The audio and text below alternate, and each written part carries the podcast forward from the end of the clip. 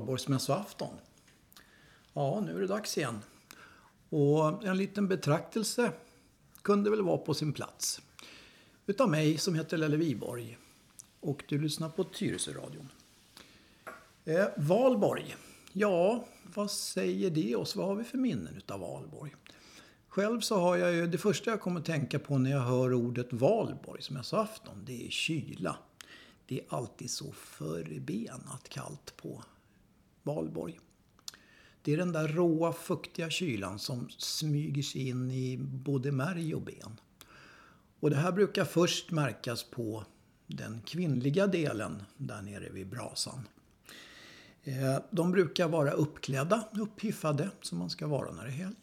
Och eh, så brukar de ha nylonstrumpor, eller brukade ha nylonstrumpor.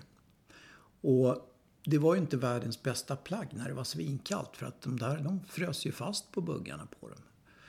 Och ja, det, det där var inget vidare. Och, och gubbarna de hade väl bättre kläder men de var ju å andra sidan lite mosiga redan när de kom ner till brasan. Och, och dunkade varann i ryggen och, och, och körde såna här skämt, ni vet, såna här modell att eh, Nej, du vet, man måste ju vara i form till morgondagen. Då ska man ju ut och demonstrera. Så, nej, du vet, nej, jag ska inte demonstrera. Jag ska vara plakat. du vet, det. Den nivån på skämten var det. Och vi var ofta nere vid den gamla scoutstugan. Eller gamla, den scoutstugan finns än idag nere på Fornudden. Och där fanns det ju en massa möj möjligheter. Man kunde vinna olika saker. Bland annat så kunde man ju ta en lott. Och av någon outgrundlig anledning så kunde man vinna en ål. En ål. Av alla saker så hade man en ål i vinstlistan. Och den där ålen, den lyckades jag vinna flera år i rad. Och jag försökte byta bort den där men det gick inte. Jag fick gå omkring med den där ålen hela kvällen.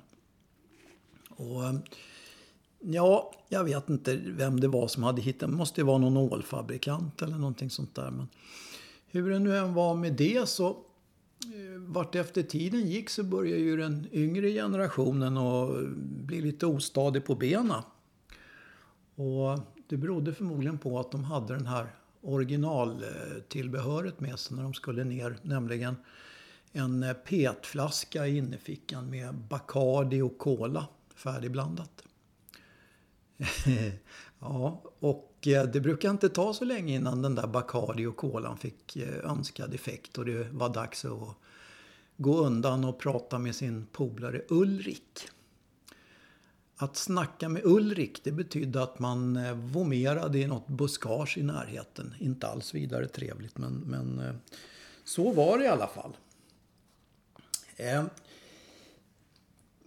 de vuxna de börjar ju komma i form också. Och någons morsa hon blev ju flitigt uppvaktad av den där eldiga spanjoren som var på besök hos grannen. Han påstås ha varit sångare och gitarrist i den spanska topporkestern Los Tapabrallos.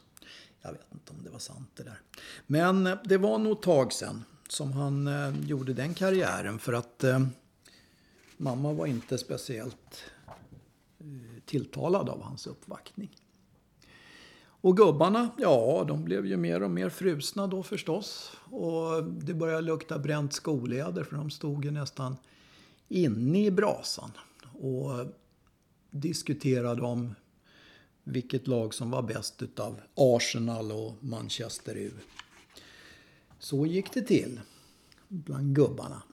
Och Vintern Ra den sjöng, sjöng ju då en, en vacker, vackert klingande eh, kör redan i början. Men den har hade ju nu för vid det här laget för länge sedan klingat ut.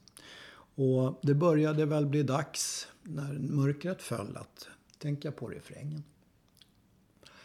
Ja, vissa kommer som vanligt då att fortsätta hemma. Man eh, är lite högljudd vid det här laget och, och säger att nej fan en, en pruttare i uterummet är väl aldrig fel. Ja? Nej, vad fan häng med här nu.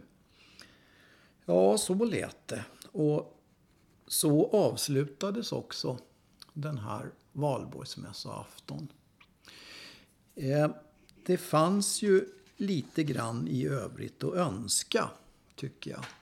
Och mycket har väl blivit bättre. Och eh, även om det här nu låter som ett riktigt slag, ett fyllslag, så var det ju faktiskt så, om man ska vara ärlig, att de flesta människorna var ju städade och nyktra och det var ju många barnfamiljer och så vidare.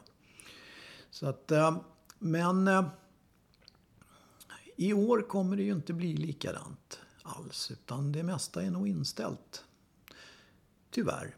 Men man kan väl säga så här att allt var ju inte bättre förr. Men det var väldigt annorlunda. Du lyssnar på Tyresö-radion och jag heter Lelle Viborg och jag vill passa på att önska alla en riktigt trevlig valborg. Vintern rasat utan våra fjällar, drivans blom